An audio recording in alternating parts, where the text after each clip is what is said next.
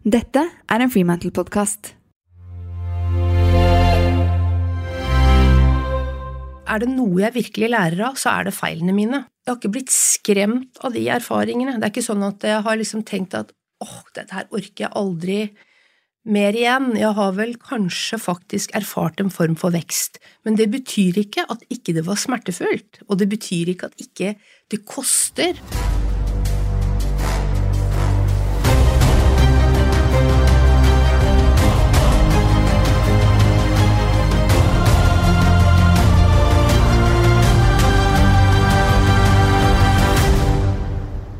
Jeg er mentaltrener Cecilie Ystenes Myhre, og i podkasten Grit skal jeg gi deg noe av hemmeligheten bak suksessen til ulike fremadstormende mennesker.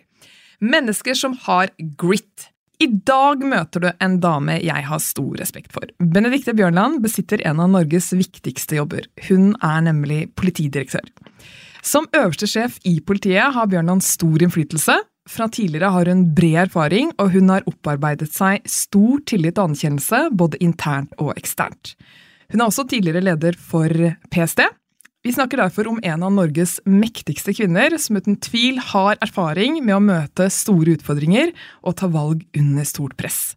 Jeg er nysgjerrig på hvordan hun går frem når viktige beslutninger skal tas, hvordan hun forbereder seg mentalt, og hva hun mener vi alle kan lære av norsk politi hva gjelder mental utholdenhet og styrke.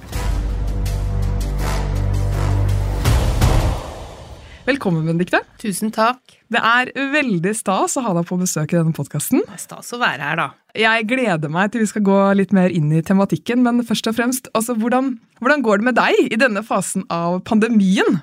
Nei, jeg um, jobber jo um, mest på kontoret i Politidirektoratet, og det er fordi at vi har satt stab. Vi har egentlig hatt uh, stab, som er en form for kriseledelse, et helt år, mer eller mindre sammenhengende, og da må da må jeg som øverste leder være på plass, opplever jeg selv. Og nå har vi jo rundet et år siden pandemien var et faktum. Altså, Syns du det er mer krevende nå enn det var i starten? På et vis så syns jeg det er litt stusslig, for jeg syns det er hyggelig å møte folk, og det er noe av det hvor jeg liksom bygger meg opp da og, og får energi, det er faktisk å reise ut og besøke politistasjoner og bygg og menneskene som jobber der. Så jeg håper at når vi kommer til sommeren, så er vi på en måte så mange vaksinert at det er trygt å gjøre. Jeg, jeg savner møter med folk. Ja, jeg er veldig, veldig enig med deg. Du, vi må bli litt bedre kjent. Du er fra Sandefjord? Ja. ja. Kan du fortelle litt om hvem du er? Altså, hva, hvem er du? Jeg er jo en voksen dame på 56 år som er gift med en eh, snill og god mann som heter Ole. Så har vi to barn som er voksne. Og um, har vi en liten hund. Og jeg vil vel si at um, er jo en person som har jobbet mye i mange år, selv om jeg er jo mamma og kone. Eller ektefelle, da. Og det er det som på en måte kanskje er hovedinnholdet i livet mitt. Det er familien min og jobben min. Og så er det det som er utenfor der, det er venner og øvrig familie. Men det har blitt mye oppfølging av barna våre når de var mindre. Det å kunne være til stede for de tross alt, da. Vi innrettet oss sånn når jeg var eh, liksom litt tidligere i yrkeskarrieren min, at det var jeg som sto opp veldig tidlig og dro på jobb, og så kom jeg tidlig hjem, sånn at jeg kunne på en måte være sammen med barna våre og sånn. Så de årene der har jo vært ganske krevende, og da har det egentlig blitt det det har vært tid til. Familie og jobb. Mm. Jeg har mye glede av jobben min. Det har jeg alltid hatt. Så eh, ja, hvem er jeg, da? Det er jo Jeg tror kanskje de, vil, de som skulle beskrive meg, ville sagt at ja, hun, hun, er opptatt av jobb, men hun er også opptatt av familien sin. Jeg er ganske sånn interessert i de større bildene.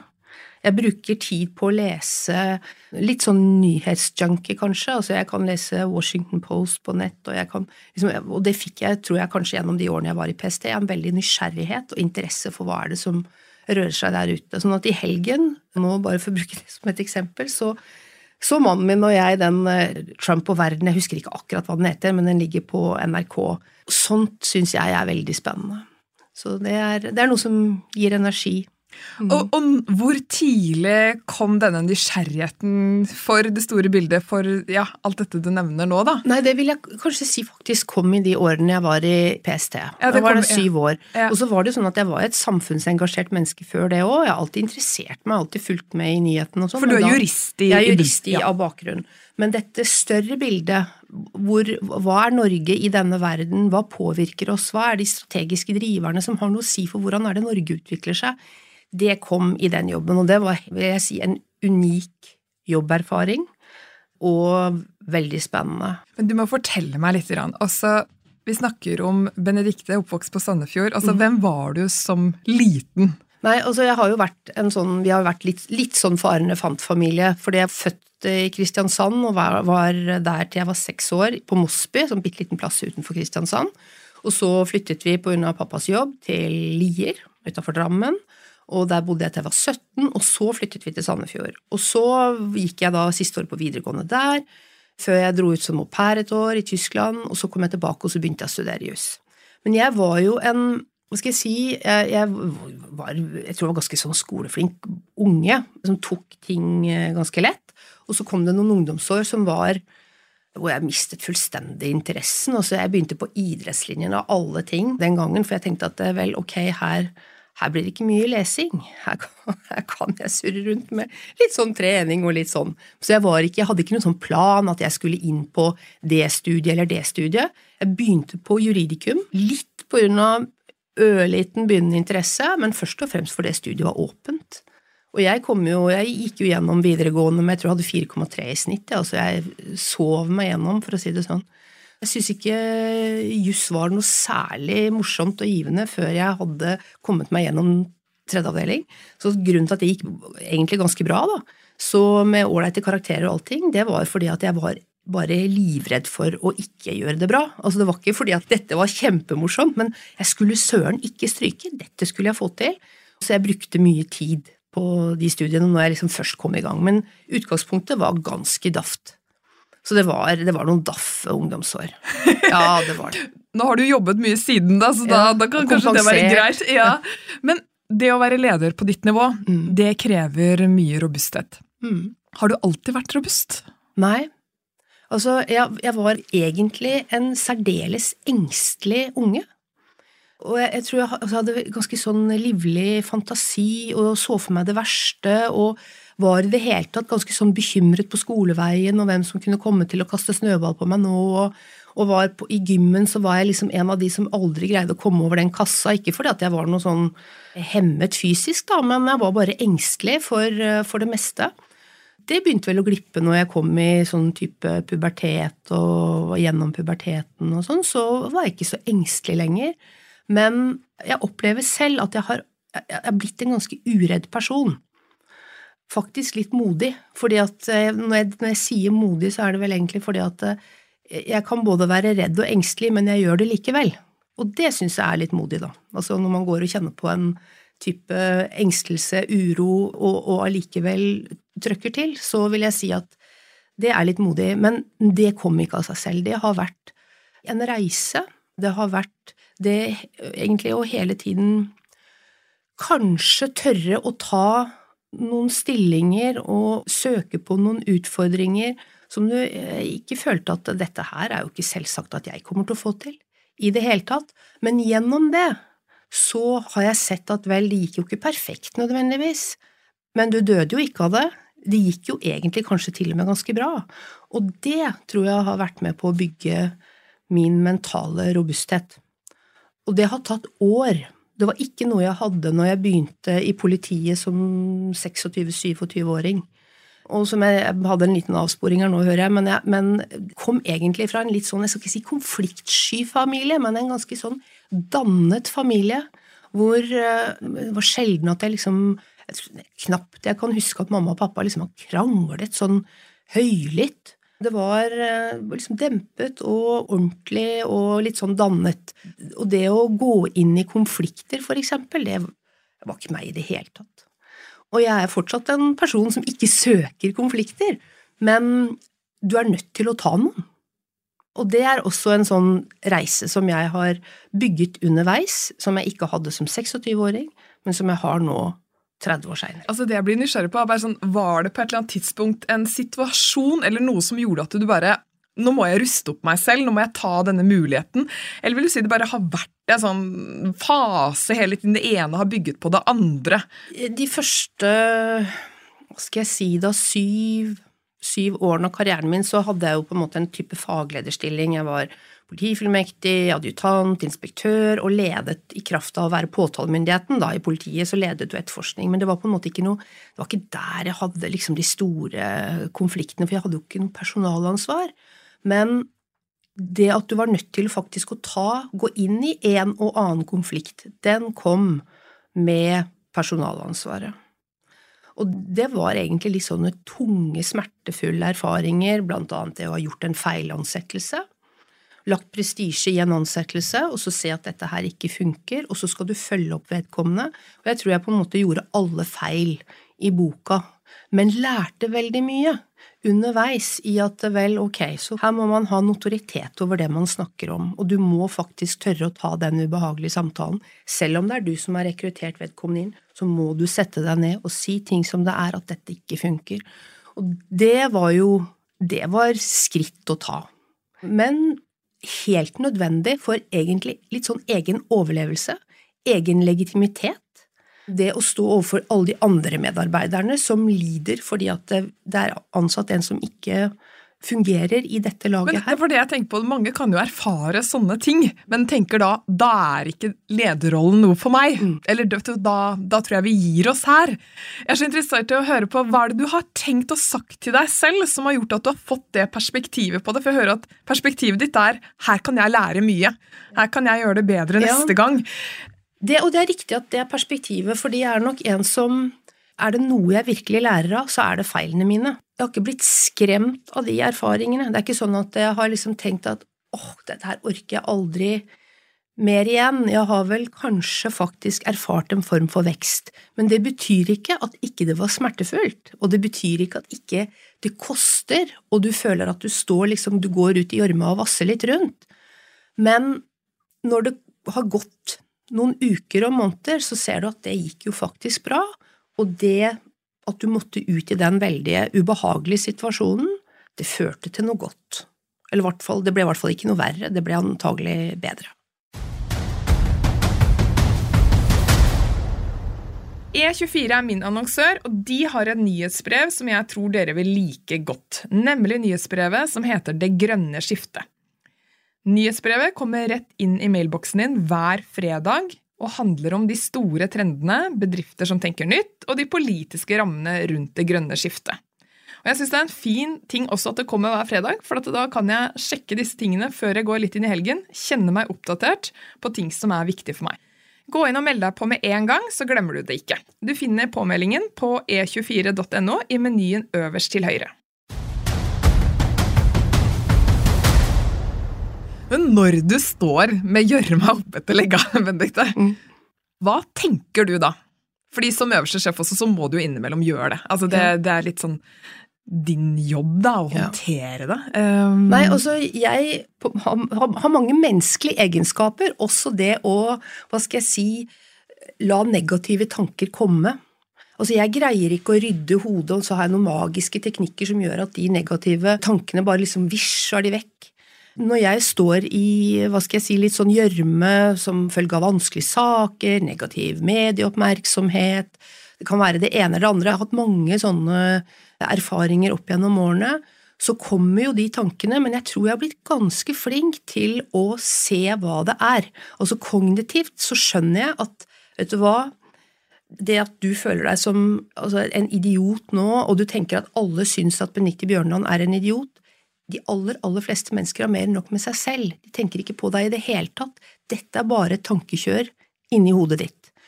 Og så hadde jeg vært enda mer trent mentalt, for dette tror jeg man faktisk kan trene seg til å liksom legge de kjappere og kjappere vekk. Jeg kan gå og bli utmattet av det, men jeg anerkjenner at det skjer. Altså, jeg tenker, jeg bare lar det, ok, nå er det tankekjør, nå tenker du, nå er det worst case scenario, dette er alle disse her kognitive tankefellene du kan gå i. Jeg lar det kverne, det er det det er, og så går det jo over. Så du aksepterer Ja, på en måte at ja. det, det kommer, og da er jo magien i det at da slipper du jo litt eh, oftere. Det slipper jo oftere. ja. Mm. Men jeg, jeg vet jo at hvis jeg hadde investert mer tid i kognitiv tanketrening, da, så hadde jeg fått det til kjappere. Så det er jo på en måte litt sånn Innimellom så tar jeg jo fram noen sånne apper og hører på mindfulness-apper. Jeg gjør det, ikke veldig ofte, men innimellom. Og jeg har det med å sovne. Så jeg liksom sovner fra hele øvelsen. Så det er jo liksom Da kommer hvilen i hvert fall inn, da. Ja. Men det er, det er, jeg tror det er en veldig god investering å gjøre. Jeg investerer jo, altså når du snakker om dette her med å bygge form for mental styrke da, eller robusthet, så jeg investerer i å trene. Jeg investerer i å sove, og spiser relativt sunt. Sånn at jeg gjør noen sånne ting som jeg vet bygger også styrke opp i hodet, da. Jeg liker at du bruker ordet 'investere', Ja. for det er jo det du da gjør i egen mentalitet. da, Ja. Sånn at du, du vet at du har eh, et lager, eh, reserver å gå på når det smeller. da. Altså, Jeg vet at du, tok over PST-rollen rett etter 22. juli, stemmer ikke det? Ja, det var i 2012, Ja. jeg. Mm. Og du, nevnte, ja, du sa jo det, det er mange sånne ting du har måttet stå ovenfor. Hvordan klarer du å komme hjem og si at ja, nå vet jeg at det ligger på bordet mitt, jeg skal ta tak i det, men nå må jeg rette oppmerksomheten mot familien min, og nå skal vi spise middag. Klarer du det skillet? I så fall de dagene du klarer det, da, hva er mindsetet rundt det? Nei, altså, i PST så var det jo mye som handlet om eh, hva skal jeg si, faglige utfordringer. Altså det kunne være trusler som du visste lå der, det kunne være saker, objekter, ting vi jobbet med som var spist, vanskelig og eh, ja, bruk et norsk ord da, skummelt. Men det har egentlig aldri plaga meg veldig.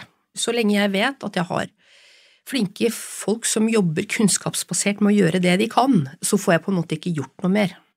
Så det er ikke det jeg vil si på en måte har vært de, liksom den tunge mentale utfordringen. Det er mer når du står i det som er veldig menneskelig, som handler om eh, altså forfengelighet, som handler om disse vanskelige konstellasjonene, når, du må ta de vanskelige sakene, når folk må avvikles fra et arbeidsforhold, eller du må ta tak i seksuell trakassering, eller hva det nå måtte være. Det er mer det som jeg Det kan kan du kjenne nærmere det på. kan jeg kjenne gå Ja. inn i, i nervebanene. Mer enn tungt fag. Altså jeg ser, Det har vært mye oppmerksomhet rundt eh, den såkalte Bertheussen-saken, som jeg håndterte helt på tampen av min karriere i PST. Og det var ja, en veldig spesiell, ekstraordinær sak, men allikevel for meg veldig sånn faglig. Ja, så du Det- Har det litt mer pragmatisk tilnærming? Er det ja, det jeg hører vil på? jeg si at, ja, men også veldig sånn her står Vi har en uavhengig påtalemyndighet i Norge. Den er ikke politisk, den er uavhengig. Vi er nødt til å gjøre det vi må, og da blir det liksom sånn rasjonelt så skal vi gjøre sånn. Selv om det får noen voldsomme implikasjoner, og kanskje Jeg ser noen politiske kommentatorer har ment at dette her liksom fallhøyden stor, og hodet må rulle hvis dette her ikke blir en domfellelse, og det ene merkelig etter det andre, men det blir for meg så faglig, og da pakker jeg det godt inn, og legger det liksom godt til side når jeg skal slappe av.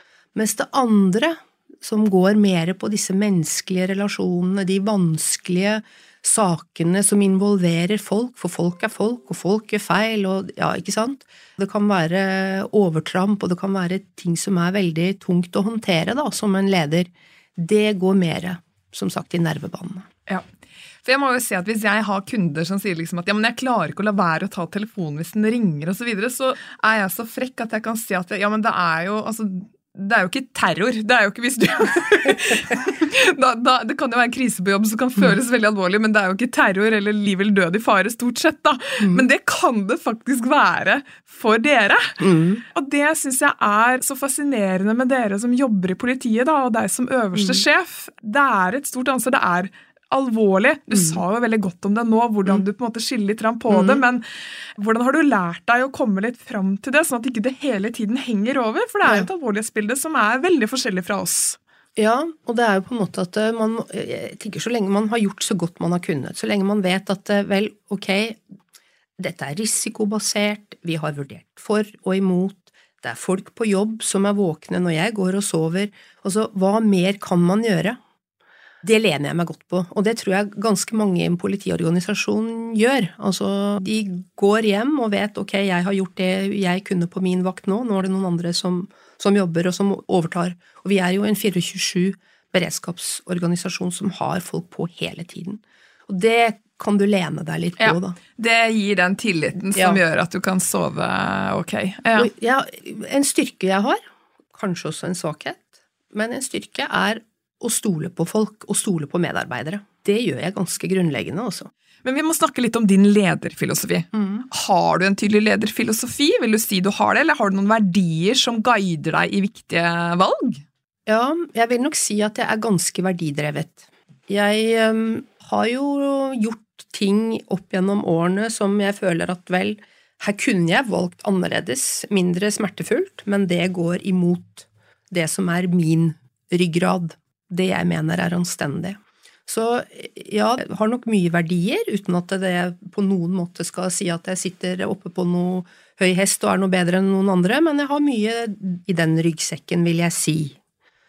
Så om jeg har en egen ledelsesfilosofi, det går vel kanskje på å lede gjennom andre. Jeg på en måte tar meg av min lille flokk, den som er på en måte min ledergruppe. Det er den jeg først og fremst lener meg på. Og så jeg er ikke noe sånn som han, hva er det han het, han Forbjørn Johnsen, han tidligere finansministeren som var fylkesmann oppe på Hedmarken, som jeg oppfatter hadde et omdømme som var veldig sånn til å se alle. Alle som jobbet for han, følte seg så sett og ivaretatt. Den egenskapen tror jeg ikke jeg har. Altså, det er ikke sånn at jeg favner og stopper uansett hvor jeg er i organisasjonen og liksom bruker en halvtime her og en halvtime der. Det, det, det får jeg ikke til. Det er ikke min styrke. Jeg skulle ønske jeg hadde den, men da tror jeg jeg hadde blitt lite igjen på resten av jobben min, for å si det sånn. Men der jeg bruker oppmerksomhet og prøver å følge opp med en liten julegave, og så det er på en måte min lille flokk, da. Og så satser jeg på at de gjør det nedover. Så har jeg jo flinke folk på kommunikasjon og sånn som passer på at ja, med i mellomrom så må du ut og snakke med Du må komme ut med noe budskap, så det Men det ivaretas godt. Jeg blir liksom dytta på og, og sånn, og får det til. Men lede gjennom andre, det er nok én ledelsesfilosofi jeg har. Jeg tenker at du kan på en måte Det blir vanskelig å være en god leder også på toppnivå hvis ikke du har en type faglig nysgjerrighet, holder deg litt sånn oppe på noen noen områder, ikke hele fjøla, det får du ikke til, men sånn at folkene du leder, at de føler at ok, ja, det er en faglig bunn der også. Det tror jeg også er viktig i en etat som politiet, da. Og veldig inspirerende å høre på deg, Benedikte. For å følge opp det er det. Det som du sa litt, det er jo noen ting som treffer deg litt mer i magen enn andre ting, og det også, tenker jeg kanskje handler litt om da at det er noen verdier som blir mm. påvirka. Men jeg må lure på, altså er det noen ting du er nådeløs på, som du er veldig prinsippfast på at når noe eller noen går på tvers av det, da våkner løvinnen i deg? Ja, det er det. Fortell om hva er det? altså når noen er slemme mot kollegaer, gjør stygge ting, type seksuell trakassering, og det, det trenger jo på en måte ikke å være at det er så intendert, så ondsinnet. Men det er bare sånn gjør man ikke, og det ligger noen liksom i, den, i, i grøfta igjen etter deg, da. Alle former for trakassering, egentlig. Da kjenner jeg at jeg virkelig kan uh, bli ganske svart i øya. Hvem er du da? Hva skjer da? Nei, altså det er vel at det, det, det, blir, det blir rake pucker, for å si det sånn. ja, ja. Det er ganske tydelig hva jeg mener da. Ja. Og um, dette er jo også saker som kan være i gråsone. Det å snakke om seksuell trakassering, for eksempel, da, å bruke det som et eksempel, for det er jo ganske nylig, noe som traff politietaten, og hvor du har mange stolte, ærekjære mennesker som aldri har gjort noe galt altså i den sjangeren i det hele tatt, altså som bare er hel ved, og så ser de at sjefen går ut og formidler videre både vulgære ord som ble formidlet til meg gjennom forskning, og liksom tar litt sånn et litt nådesløst oppgjør som de kan føle treffer dem, da. Mm. Det er jo ikke det som er tilsiktet, men hvor jeg har tenkt at det her må jeg gjøre. Jeg leder en etat hvor 40% etter hvert er kvinner. Og det er jo de som er overrepresentert. Jeg sier ikke at ikke menn også faller inn i dette området her, da. Men det er først og fremst kvinner, og så skal jeg som en kvinnelig toppsjef ikke bare signalisere fullstendig nulltoleranse for dette. Jo, dette må jeg gjøre. Men jeg visste. Vi satt og snakket om skal, hvordan er budskapet ut nå. Vi hadde en god kollokvie på det, noen av mine nærmeste ledere og meg, og vi fant ut at ok, dette må vi gjøre, men det kommer til å komme med en pris. Men vi må gjøre det likevel. Og da kan jeg også kjenne på i ettertid, når jeg ser disse her som jeg vet er hel ved-folk, og de krymper seg og syns at sjefen deres har vært altfor tydelig og eksplisitt, så kan jeg føle på det. Allikevel så vil jeg si at jo, i retrospekt, det var riktig å gjøre, altså. For hvis ikke jeg kan formidle videre hva disse historiene har vært som har blitt formidlet til type forskning etc., hvem er jeg da? Hvordan skal jeg kunne ha legitimitet overfor de som forteller den historien, som har vært utsatt for dette? Jeg må anerkjenne det, og jeg må faktisk tørre å fronte det. Er det noen ting du da applauderer mer enn andre også, fordi du ønsker at det også er et sett av verdier du vil ha mer av i etaten? Ja da, og det kan også være litt urettferdig, for det er jo noen som er liksom eksplisitt veldig flotte og tydelige og retorisk gode og liksom står fram med veldig troverdighet da, på det som er fine verdier. Og det er klart, jeg, jeg, jeg går fort på dem og tenker at så fint. Og så er det andre som jobber mer i det stille og er super eh, etisk bevisst og gjør veldig mye arbeid, men, godt arbeid, men som kanskje ikke syns like godt. da. Så det er vel sånn for mange at man ser det som blir det tydeligste, ser man kanskje litt lettere enn de som sitter og jobber i det stille. Det er jo noe å være bevisst på, tenker jeg, som en god leder. Anerkjenne de også som, som sitter bak en kontordør og ikke er de som roper høyest, gjør seg tydeligst til kjenne, men som sitter og leverer i det daglige. Kjempegodt arbeid. Det som er gøy med politiet, liksom, For det første så har man tatt et verdivalg når man mm. blir politi eller jobber innenfor en sånn etat. Det er jo bra folk i det utgangspunktet, tenker mm. jeg. Og så er det et hierarki. Det er ganske klare kommunikasjonsprosesser. Det mm. det er mye mottatt slutt, mm. som jeg mener flere andre i næringslivet etc. kunne lært litt av. For mm. det kan forenkle litt kommunikasjon, spesielt under press. Hva er plussene og minusene med hierarkiet og eh, ha så klare kommunikasjonsprosesser? Mm. Kan du si litt om det? Ja, som du sier, plussene er jo særlig i Vi har ikke tid til å vente, vi er nødt til å agere. Det kan være under tidspress, det kan være sånn som du senest så på denne redningsaksjonen som var på Gjerdrum under leirskredet der. Der er det ikke mye rom for å sette seg ned og si ja, men jeg mener, og vi må ta en runde til, og så Da er det på en måte jo kunnskapsbaserte beslutninger, men når den beslutningen er fattet, så bare kjører vi på. Så det er i sånn type krisemodus, og når ting haster, så er det usedvanlig viktig at man har tydelig kommunikasjon, og at man ja, ok, her kan det være ting som må bringes til torgs, men det må skje ganske kjapt. Og så, når den, altså kunnskapen er brakt opp, så, så, går man, så kjører man. Da er ikke omkampene. I det daglige, når vi har bedre tid, så er det klart at det, eh, du skal veksle mellom egentlig litt sånn to ulike ledelsesfilosofier, da. Og hvor vi som har vokst opp i en etat som har vært, og er fortsatt veldig hierarkisk, jeg har vokst opp liksom å nikke til sjefen min og liksom bare levere, og det er klart at jeg er også et, et barn av min tid. Så det jeg må lære meg, er jo det å si tusen takk for den konstruktive kritikken jeg nå fikk, og dette skal vi jobbe godt med nå, og dette var ikke godt nok, og vi tar en runde til. For min generasjon da, så har det vært en reise det der å, å, få disse evalueringene, få de kritiske merknadene, sitte og ta imot det å ha personer i egen organisasjon som er langt yngre, som har mye mindre erfaring, men som faktisk har veldig vettug innspill, og si tusen takk. Det, det er jo en Det har vært en reise. Mm. Men har lært meg til noe av det. Jeg skal ikke si at jeg er perfekt på det, men eh, jeg tror noen vil si at jo da, hun, hun kan lytte og og hun kan gjøre om på ting som hun har besluttet før. Ja, ja. Og da er vi litt over på evalueringsdelen. Mm. Hvordan evaluerer du hvorvidt noe har gått bra eller dårlig? Altså For å trekke mest mulig læring over til en ny fase. da. Mm. Enten det er en stor aksjon som på Gjerdrum, eller det er andre faser.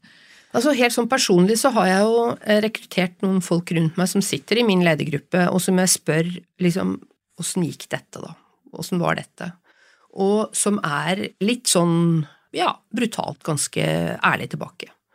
Og det er jeg helt avhengig av, for hvis, hvis, du hele tiden har folk rundt deg som Nei det var ikke så gærent, så vi bare lar den gå. Du blir jo aldri bedre da. sånn at du må ha, Men du trenger ikke å få det fra hele organisasjonen til enhver tid. Men du kan ha noen rundt deg som vet du hva, det der var Det, det her var ikke Traff ikke skiva her. Du var kanskje ikke på standplassen engang. I hvert fall på feil standplass. Altså noe med at dette benikte, dette var ikke bra, og av de og de og de årsakene.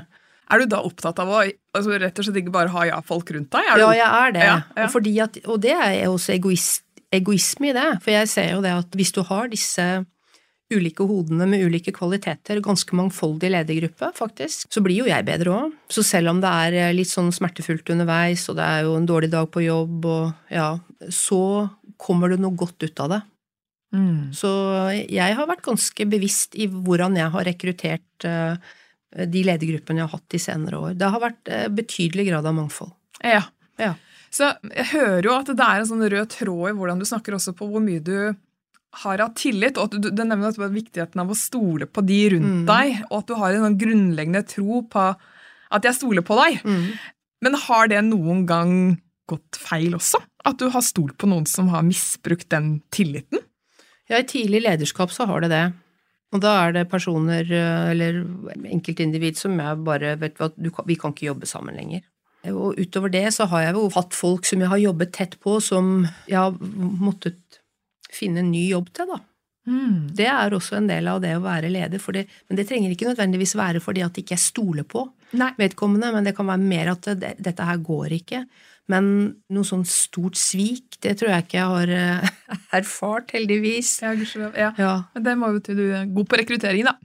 Du har PST-sjef, nå er du eh, politidirektør. Det er jo de to største vervene du kan ha innenfor denne etaten, også mm. PST, da, som en annen. Men hvilke fremtidige mål har du? Nei, jeg Det er ikke noe liksom er, Jeg har aldri hatt noen karriereplan, for å si det sånn. Det har jeg faktisk ikke hatt. Og det, i den grad dette her blir lyttet til av øh, personer som tenker at de skal ha en lederkarriere og planlegge for det, det har jeg aldri hatt. Jeg, jeg, tenker jeg skal si til de unge der ute særlig, slapp av. Hvis det er ledelse du vil inn i, ja, det er fint å bygge fag, vær en flink medarbeider.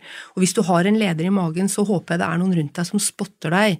Men liksom det å sitte om fem år skal jeg være der, og ti år skal jeg være der, og 15 år skal jeg være der, det har jeg aldri gjort selv, og jeg har ikke noe tro på det heller.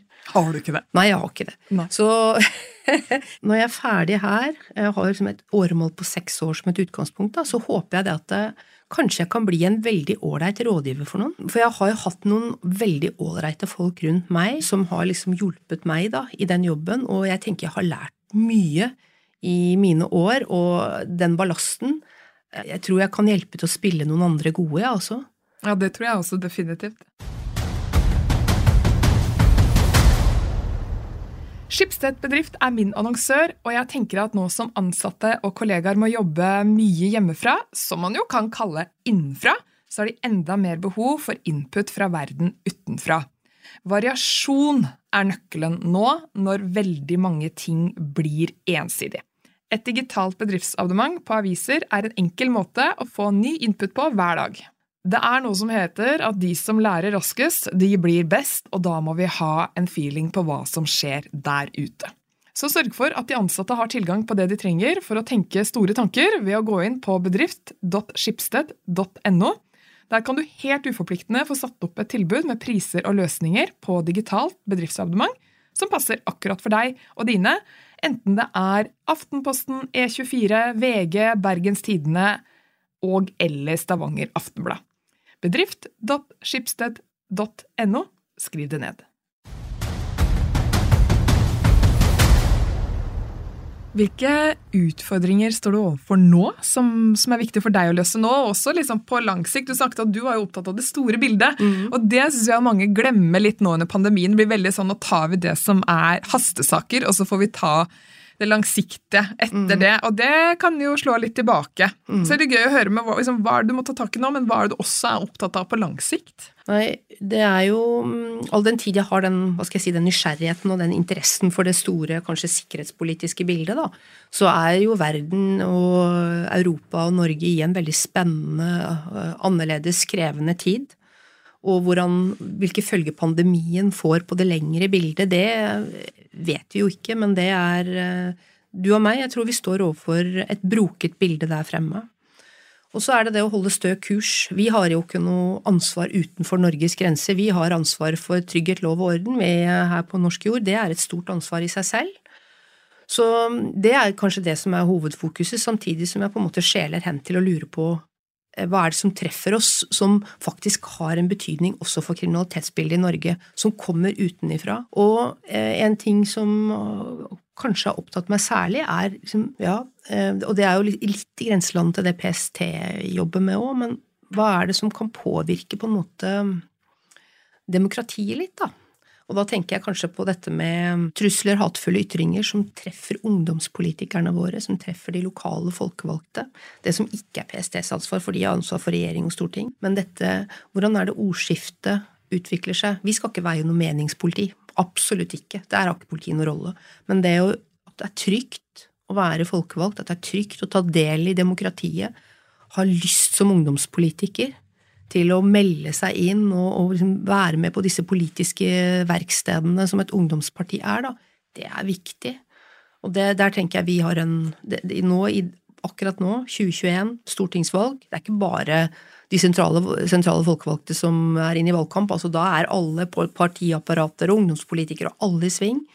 Det at det foregår trygt, at folk ytrer seg, det tror jeg er, det er viktig. Der har politiet en rolle.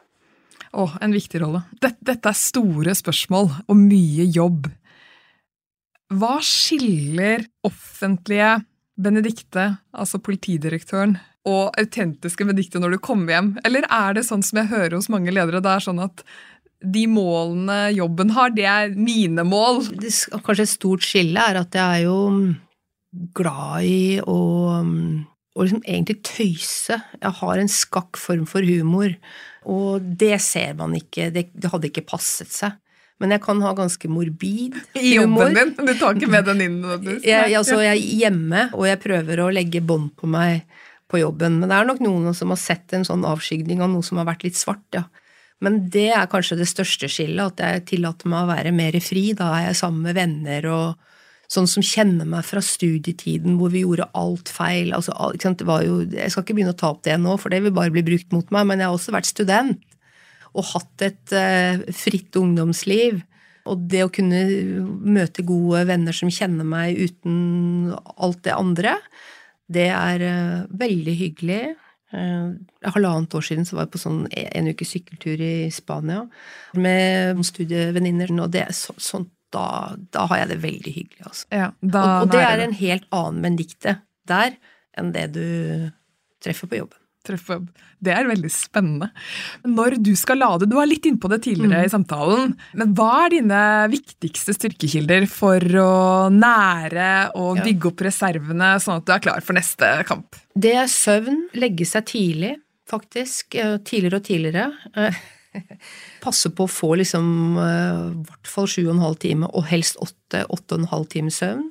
Det er å trene. Jeg, har en, jeg står opp og trener styrke fire-fem ganger i uka. Jeg gjør altså det. Men, og det er ikke fordi at jeg er så veldig forfengelig, men det er fordi at jeg går ut i dagen og jeg har hatt en 35-40 minutter med basisball og medisinball og strikk. Så går jeg rettere, og jeg føler at jeg har fått energi og styrke. Og jeg er 56, så det er for oss som har passert 50, så er det litt tvingende nødvendig å gjøre det. Så er de å spise ganske sunt. De tre og innimellom prøve å øve litt mentalt. Mm. Og hvordan øver du da? Jeg hører på mindfulness-podkaster. En fem minutter, en ti minutter, en 20 minutter. Ja. Og det er liksom å være til stede her og nå. Det er det det handler om, egentlig. da. Legge alt bort. Så jeg er altfor lite flink til å legge bort mobil. Jeg er jo sånn, jeg er på den der å sjekke nyheter. Jeg er ikke på sosiale medier, og det skal, det skal jeg virkelig prøve å holde meg vekk fra, for jeg tror det er et sluk av dimensjoner som tar bort fokuset ditt. Men jeg er jo Um, dessverre så leser jeg for mye nyheter, så jeg har for mye skjermtid. Så er det ett noe jeg kan bli bedre på legg den vekk. Du går ikke så mye glipp av noe, altså. Du hanker inn på tampen av dagen likevel. Ja. Og da har du så også folk, hører jeg, som, som, opplyser deg. Er det av høy ja. relevans? Ja. Tusen takk, Benedicte. Er det noen helt avsluttende råd du vil gi til mennesker som ønsker å bygge opp mer mental utholdenhet? utover det vi har vært ja, er, Jeg tror, oppsummert, da, tør å gå ut i det som er ubehagelig. For veldig sannsynlig så dør du ikke av det. Det går bedre enn det man tror, og når man har gått ut i det og stått i det som har vært ubehagelig, anerkjenn det som er ubehagelig òg, da. Men der fremme så kan du liksom rette ryggen, og du har gjort deg en erfaring, og du har bygget lite grann for lager oppi hodet ditt. Litt mer for hver gang, litt mer mental utholdenhet. Og det virker å ha vært en god oppskrift for å bli politidirektør, så jeg tenker det er mye makt bak de ordene. Det har vært helt avgjørende, vil jeg si, egentlig, Ja. å tørre å gjøre det. Jeg tror det er få forunt å, være født mentalt utholdende og sterk og robust, sånn helt grunnleggende. Altså det, det, eh, du har sikkert noen sånne fysiologiske forutsetninger og biologi og fysiologi som er som, ja, som eh, gode arvelige egenskaper, men uansett så tror jeg du må trene og du må gjøre ting for å komme dit. da. Det er som de fysiske treningsøktene. da, For Ja. å bygge større muskler så må du utfordre muskulaturen, og det kan du også gjøre i huet. Ja. Mm. Tusen takk for at du kom på besøk til Grit Podcast, Benedicte. Benedikte. Det var veldig hyggelig å ha deg her. Takk for meg.